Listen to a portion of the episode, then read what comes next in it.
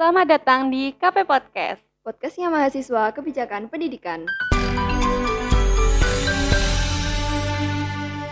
Kembali lagi di segmen Curma, Curhatan Mahasiswa. Bareng Oke, Ninis. Ayo, dan Yoga.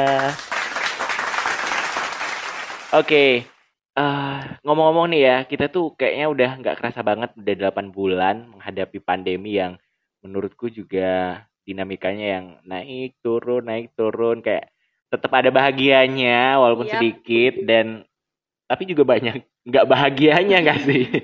Kita tuh cenderung kayak kesulitan dan belum siap gitu kan waktu awal-awal kemarin si pandemi ini ada. Tapi akhir-akhir ini kita jatuhnya malah kayak capek bukan nggak siap. Iya gitu ya. benar kalau boleh ngomong nih ya, aku tuh kemarin buka satu tweet bahwa kita tuh sekarang di kondisi eh, ini loh, apa sih pandemic fatigue atau kelelahan menghadapi pandemi. Jadi banyak faktor yang membuat kita kayak ya udahlah males terus habis itu kita susah untuk eh, menjalankan protokol kesehatan dan segala macamnya dan itu tuh juga sebagai ini juga sih buat kayak karena kuliah yang online dan yang selama 8 bulan daring itu juga menurutku bikin pandemic fatigue itu juga gitu loh. Menurut kalian online learning kayak gini, kalian gimana sih menurut kalian rasanya gitu? Ya kalau aku pribadi sih ya mas, ngerasain capek banget kayak dari bangun tidur, eh, kita udah hadapin laptop. Kadang kan kalau sore itu kan kita udah nggak kayak malas buat mikir ya. Iya, iya. Apalagi udah jam makan siang, setelah jam makan siang tuh rasanya udah capek, males banget buat ngerjain tugas. Itu kan biasanya kita malam, malam sampai larut, terus paginya udah ha- harus kuliah, ngadepin dosen, kadang nggak dengerin, kadang ngantuk juga. Kayak 24 Bener, bener, jam bener, tuh bener. kul- kuliah gitu gak sih? Iya, malah rasanya tuh si kuliah daring ini rasanya kita kayak 24 jam nonstop. Kenapa? Karena kita kan di rumah. Jadi bangun tidur kayak yang Ayu tadi bilang, bangun tidur kita udah ngadep laptop, ntar kayak ada break dikit doang, itu pun cuman kita pakai buat makan ataupun kamar mandi itu kadang udah ngerasanya kayak yang ya Allah gimana gitu rasanya kayak yang Capek gak sih? Capek Nah, bener banget. banget sih. Menurutku ini sih ketika kayak ngerasa lebih apa ya 24 jam itu lebih kayak kita mikirin kuliah aja. Terus habis itu kadang dosen juga kayak udah gini loh batasan antara waktu kuliah sama enggak itu beda banget ketika kita offline ya. Kalau misalnya kita offline nih kita paling setengah delapan udah mulai masuk ke kampus. Habis itu nanti jam 3 udah kelar ya udah mikir yang lain kayak gitu. Sedangkan kalau misalkan online nih kita kayak udah oke tugas masih ada. Oke oke oke bla bla bla bla bla bla kayak gitu nggak sih? Dan menurutku ini kadang bikin aku sendiri kayak capek dan stres. Bener gak sih? Kalau kalian ngerasa stres juga gak sih kalau misalkan online learning ini? Mm, aku setuju banget mas, karena nggak cuma capek badan yang harus duduk terus di depan laptop, Iya, tapi bener-bener. kadang tuh capek mikir, sampai kayak kita nggak fokus buat ngerjain tugas yang harusnya kita bisa maksimal, tapi malah ya udah apa adanya gitu loh, karena kita udah males. Iya, aku jadi kayak mikir, ya ampun capek mikir pengen jadi ikan aja. aku nggak pengen jadi ikan kayak yang nanti akan muncul tuh timbul-timbul kayak yang mem-mem kesannya kayak yang ah mau meh rabi wae meh apalah meh apa. Itu meme itu akan sangat ramai ya sekarang sekarang ini. Terus eh, lagi pula kita biasanya yang soal waktu itu tadi ya kita biasanya untuk eh, kuliah biasa itu kita ngechat dosen maksimal jam berapa jam kerja gitu kan. Nah dosen pun juga nggak akan ngechat kita eh, nggak akan menghubungi kita kalau nggak jam kerja kan Mm-mm, Nah, bener. randomly kadang tuh kita kalau misal segrup atau kita jadi penanggung jawab suatu makul gitu nanti randomly jam-jam jam-jam malam gitu tiba-tiba dosennya ngechat mbak ini soal UTS ya kayak yang astagfirullahalazim rasanya mah ini siapa. Iya. Hmm. rasanya mah jegagi tau nggak guys Bener banget sih. Karena memang kayak ya kalau misalkan jadi kayak penanggung jawab itu memang tanggung jawabnya juga lebih besar daripada teman-teman kelas ya.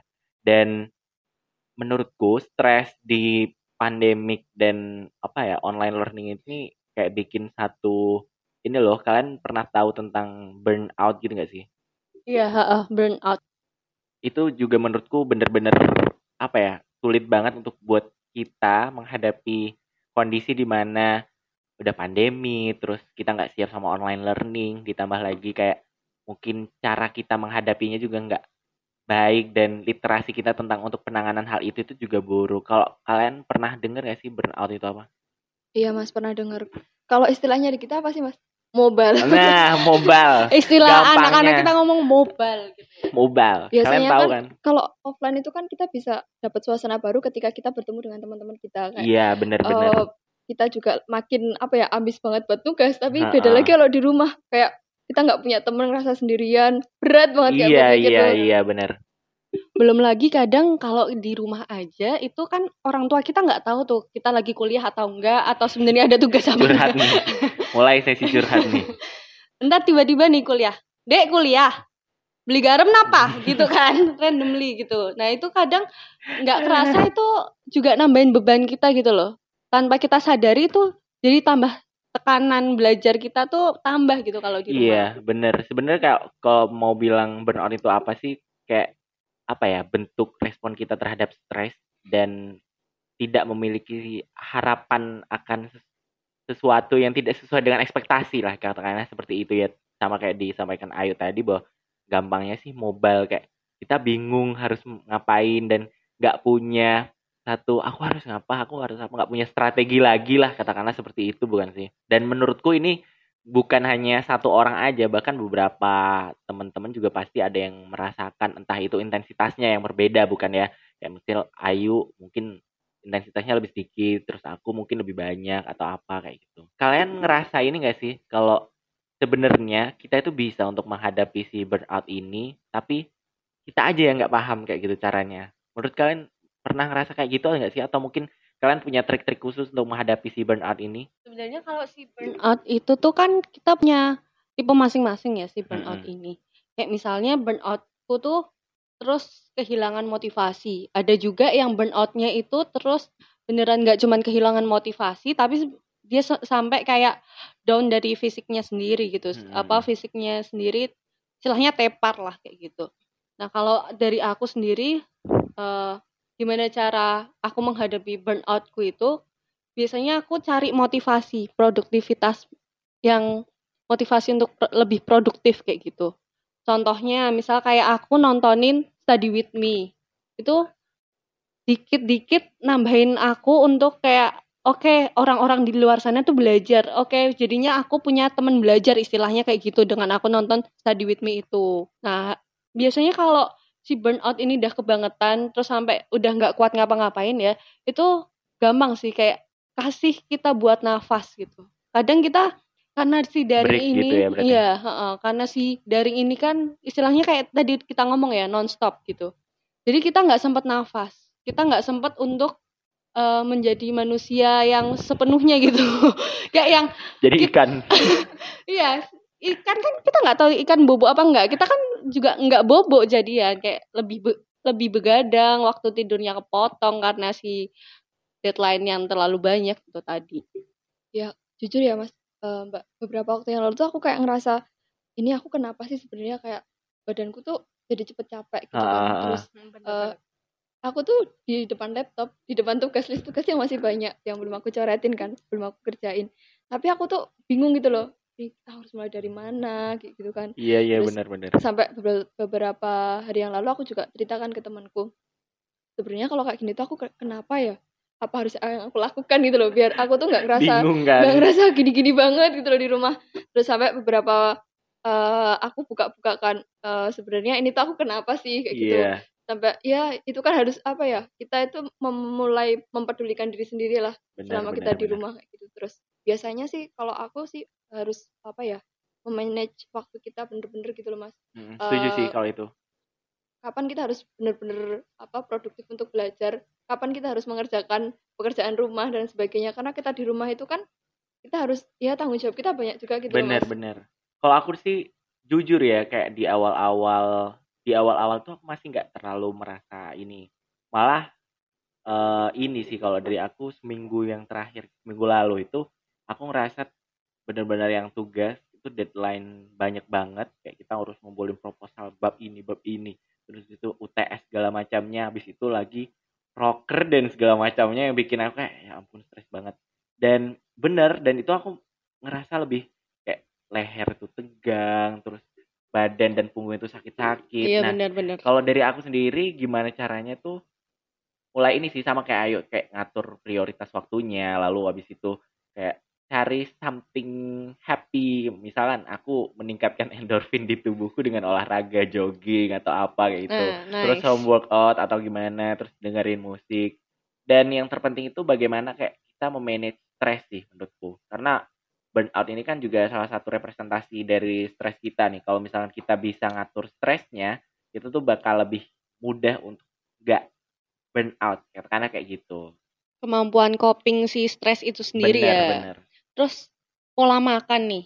Kadang tuh si pola makan tuh nggak kita perhatiin selama kita jadi eh, di rumah ini karena anggapnya kayak yang ah nanti aku skip aja sarapannya karena kan di rumah doang gitu. ngeleh kah Padahal ngelit nanti tiba-tiba jam berapa gitu kita vikon terus itu rasa laparnya tuh berbeda dengan rasa lapar kita biasanya. Ternyata itu tuh bentuk burnoutnya perut kita bisa jadi kayak gitu kayak Hmm. yang perut kita tuh nggak terima kalau misalnya nggak dikasih makan tapi suruh kerja gitu. Nah pola makan ini tuh juga salah satu tips untuk relaxin badan kita biar nggak stres itu tadi gitu. bener sih. Karena memang kadang nih kalau misalnya kita nggak makan kan tubuh kita juga responnya juga buruk toh. Kalau kalau gara-gara lapar terus itu bisa pusing atau gimana. Kalian pernah ngerasa kayak gitu kan? Jadi bener sih kalau misalkan dibilang apa pola makan itu juga mempengaruhi selain dari mungkin olahraga ataupun yang lainnya gitu. Nyambung dari yang eh, Mas juga bicarakan tadi kan. Eh, kita tuh bener-bener harus nyari sesuatu yang bener-bener bisa bikin kita kayak ngerasa lost. Nah, ngerasa seneng gitu. Jadi eh, walaupun ya kita harus sempat apa ya meluangkan bener waktu kita untuk ya walaupun tugasnya banyak tapi kita tuh oh aku harus ngelakuin ini biar aku tuh nggak sepaneng banget ke tugas-tugasku bener bener bener. yuk. terus eh, buat pola makan tadi juga kadang tuh sampai kayak nggak nafsu makan gitu loh mas Iya iya benar Nggak benar nafsu sering makan. terjadi. tapi eh, ya karena dorongan ibu juga yang biasanya Iya. cerewet kan kalau kita Ayo makan pangan. Gua jadi ya kita harus bener-bener ngatur makan kalau enggak ya itu tadi masuk angin oh, bener bener. Kalau aku sih kemarin jujur kayak ini loh, kita kalau boleh dibilang relate banget sama ini loh. Apa? Pemanfaatan waktu luang. Eh, Nah. leisure time. Leisure time kita itu kayak sesibuk mungkin kita itu harus bisa mengatur waktu sehingga kita itu punya waktu luang untuk lepas dari segala macamnya, setidaknya refreshing kayak gitu loh. Mungkin bisa dengan olahraga ataupun kalau kalian punya hobi lain main musik atau mungkin yang hobi masak-masak. Dengan itu kayak kita mungkin bisa lebih bahagia, terus ada rasa senang ataupun ya something new lah. Setidaknya kita nggak mikir propos bab bab bab bab bab referensi segala macamnya. Wow, that's totally sucks, bro. Iya. Selain itu tuh kita juga kayak selain kita ngasih waktu di leisure time itu, kita tuh baiknya nih ngubah si eh, cara kita untuk menghadapi itu gitu loh. Hmm, Jadi, bener. Misalnya kita memulai hari itu dengan benar gitu. Misalnya eh, bangun tidur itu usahakan jangan langsung buka laptop. Kenapa? Karena kalau kita misal bangun tidur buka laptop ngerjain tugas itu bakal kita ngerasanya kayak yang tuh kan, tuh kan, nugas lagi, nugas lagi, rasanya kayak gitu. Padahal sebenarnya kalau kita polanya bener kayak yang oke bangun tidur nggak langsung eh nugas itu beda. Itu udah pernah tak coba dengan aku baca Harry Potter.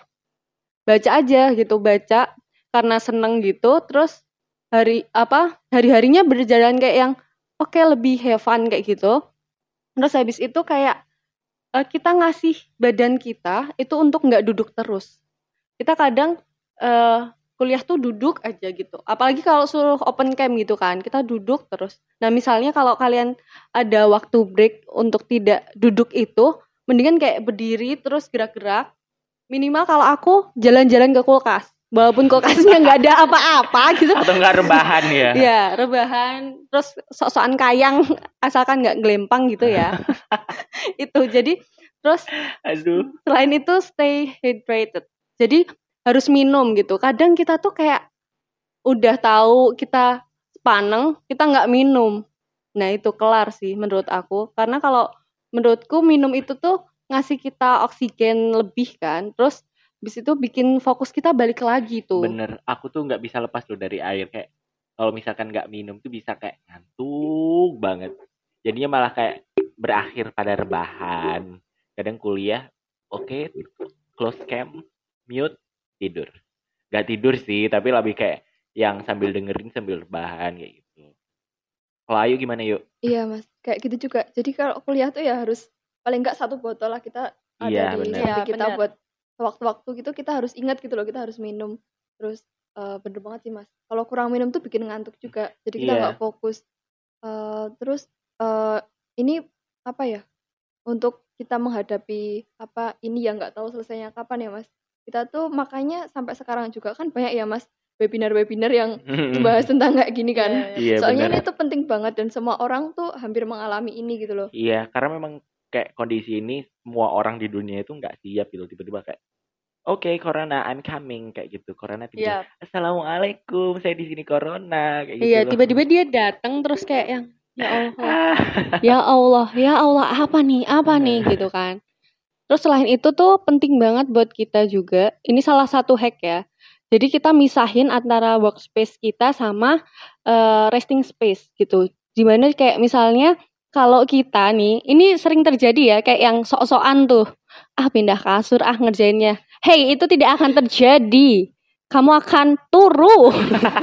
oh iya bener bener bener. Kamu hanya akan tertidur kalau pindah ke kasur gitu. Jadi pisahin gitu. Misalnya kalau aku nih eh aku ngerjainnya misalnya pindah ke kamar mbakku gitu. Karena aku kalau di kamar itu ngerasanya kayak yang oke energiku tuh buat belajar doang gitu. Terus kalau ke kamarku nanti aku akan berakhir di kasur gitu kan. Mung tura turu, rebahan tok kayak gitu. Nah, itu bisa juga teman-teman eh, pakai ya. Jadi misahin gitu. Misal kalau kalian ah rumahku nggak gede atau misalnya kalian eh, terjebak di kos yang nggak bisa misahin gitu.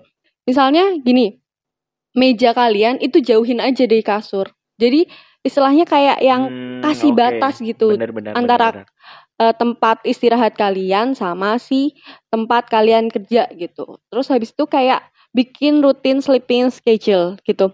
Kalau di handphoneku itu ada jadi kayak yang jam-jam tertentu kayak misalnya aku ngeset jam 10 aku tidur gitu. Nah, itu kalau alarmnya udah bunyi oh berarti aku harus tidur gitu. Tapi pada faktanya Pak, tapi pada faktanya aku udah mau tidur terus nanti tiba-tiba teman ada yang ngechat, eh bukannya nomor satu ini jawabannya. Kemudian aku berpikir, oh my god, jadi aku salah ngerjainnya. Kemudian aku tidur jam satu kayak Iya. gitu. Itu berarti sebenarnya scheduleku udah bagus, temennya aja kurang aja. nyalahin temennya ya yang penting. Temennya yang salah ya. Tolong jangan ngechat malam-malam. Kalau dari aku sih ya kayak teman-temanku itu untuk yang misahin workspace sama resting space tuh misal temanku yang aku banyak punya temen kayak yang rasa karena mereka di kos jadi merasa kalau di kos tuh nggak produktif ataupun mungkin kayak bawaannya nggak bisa ngerjain dengan maksimal dan mereka lebih memilih untuk kayak mungkin pergi ke cafe ataupun workspace workspace yang ada di luaran sana. Tapi ya tetap lagi kan kalau misalnya kondisi pandemi kayak gini kita harus benar-benar bisa menjaga protokol kesehatan ya. Pakai masker 3M itulah menjaga jarak dan sering mencuci tangan. Benar bukan? Karena memang akhir-akhir ini tuh udah kayak kita susah banget kita mau menjalankan tapi orang lain kayak yang udahlah los aja kayak Hmm, bener banget mas. Karena sekarang tuh udah kayak nggak ada bedanya gitu loh mas. Udah iya benar Bener-bener dibilang new normal ya udah, ya udah normal. Cuma mereka Normal sebenarnya. Iya udah Iya. normal. Cuma bedanya kita tetap ya kuliah di rumah, yang kerja juga di Iya rumah. bener. That's why kita juga harus bisa menormalkan si burnout ini bukan? Kalau misalkan kita terus-terusan terjebak dalam burnout itu kayak mungkin bisa juga malah lebih buruk di kita. Bahkan nih, ini bisa juga nggak sih dibilang burnout yang ini loh anak SMA yang di mana itu yang meninggal bunuh diri gara-gara stres karena nggak Iya, bisa ngikutin heeh. uh, sekolah itu juga menurutku salah satu bentuk burnout sih karena dia nggak bisa ngontrol gimana stres efek ke dia sampai-sampai dia oke lah mau mati kadang itu kata-kata itu tuh sering banget kita omongin secara nggak sengaja gitu ya. Kayak misal udah proposal nih deadline. Terus ya Allah kok bodoh banget aku ini mati aja lah gitu. Kadang ada perasaan kayak gitu. Nah itu tuh sebenarnya penting juga dari sosial kita gitu. Kadang si anak anak itu tuh bisa kejadian kayak gitu karena sosialnya tidak mendukung dia nggak gitu ada ya. ya nggak punya benar, support benar. system gitu. Kayak misalnya support system tuh nggak cuman soal pacar ya. Orang-orang kadang sup- bullshit hey, hey, ada marah nih jomblo satu ini. Jadi misalnya kalian harus ngebangun ke keluarga kalian apa pun ataupun teman kalian gitu. eh, istilahnya kayak partner belajar gitu yang bisa ngertiin kalian gitu kalau aku punya nih satu temen gitu nanti minimal satu temen aja gitu eh kamu udah nugas ini belum terus misal kalau ad- aku ada masalah aku ngomongnya ke temen satu ini kayak yang eh sumpah ya aku tuh udah ngerjain tapi misalnya salah gini gini gini gini jadi nggak aku simpen sendiri dan orang lain juga bisa ngasih saran gitu Iya benar-benar. Tidaknya kita cerita lah ya, terus Ya. apa sih kendalanya segala segala macamnya, terus bisa saling sharing, bener gak sih? Ayu tadi juga udah ngomong cerita sama temennya. Ya kadang kita tuh nggak butuh dikasih solusi, cuma butuh Pengen didengarkan. bener. Itu udah ngerasa kita eh, udah lega banget sih. Oke, kayaknya masalah burnout ini udah bener-bener gak bisa ditolerir lagi. Maka dari itu kita mungkin bisa lebih uh, aware lagi tentang Iya. masalah. uh, mungkin ini juga bisa disebut kesehatan mental kita kan, karena menghadapi pandemi yang tak kunjung usai. Semoga lah ya Allah segerakan. Ya, semoga kita bisa ketemu lagi sama teman-teman secara langsung kayak gitu ya. Sehingga mungkin bisa mengurangi lah ya burnout ini. Ya kemungkinan besar sih kita akan mengalami burnout itu gak hanya di pandemi, tapi gimana pun caranya si burnout ini sebagai salah satu efek dari stres kita yang berkepanjangan bisa nih kita mengatur eh, nya ataupun mungkin meminimalisirnya dengan berbagai cara kayak olahraga ataupun mengatur waktu yang lebih baik, pola makan yang lebih baik, banyak minum air putih. Kayak tadi yang disampaikan Nibras bahwa memisahkan resting room sama ah, resting space sama workspace sehingga semuanya itu bisa kayak lebih mudah untuk kita untuk memerangi si burnout ini. Tidaknya meminimalisir lah. Dan yang paling penting lagi nih, give yourself a break gitu. Jadi kita penting banget untuk ngasih diri kita break. Dan breaknya itu tapi nggak boleh kelewatan juga karena break kan sebenarnya itu salah satu coping stress akademik itu. Tapi kalau misalnya kita nggak ngerjain stres akademik itu juga malah nambah karena nggak kerjain apa-apa. Intinya itu. Jadi eh, kasih diri kalian break eh, lewat hal fisik maupun mental yang itu bakal ngaruh ke kalian. Bener banget nih. Maka dari itu mungkin kita habis ini dengerin lagunya Kunto Aji ya, Rehat. Iya. Oke, kembali lagi di radio. Gak berasa radio nih. Iya, kita malah, malah kayak radio ya. Mungkin kalau dari aku kayak gitu aja deh ya daripada nanti kita kelamaan dan teman-teman bosen dan mungkin bisa mendengarkan suara-suara kita di next episode. So, thank you so much sudah dengerin podcastnya anak-anak KP pada kesempatan kali ini. Apalagi nih? Ya, tetap semangat Jaga kesehatan. Jaga dan mood. jangan lupa di follow di Hima KPUNY dan ikutin terus podcast kita berikutnya. Terima kasih. Bener banget. Stay tune on our podcast. So, see you. Bye. Bye Bye-bye. bye.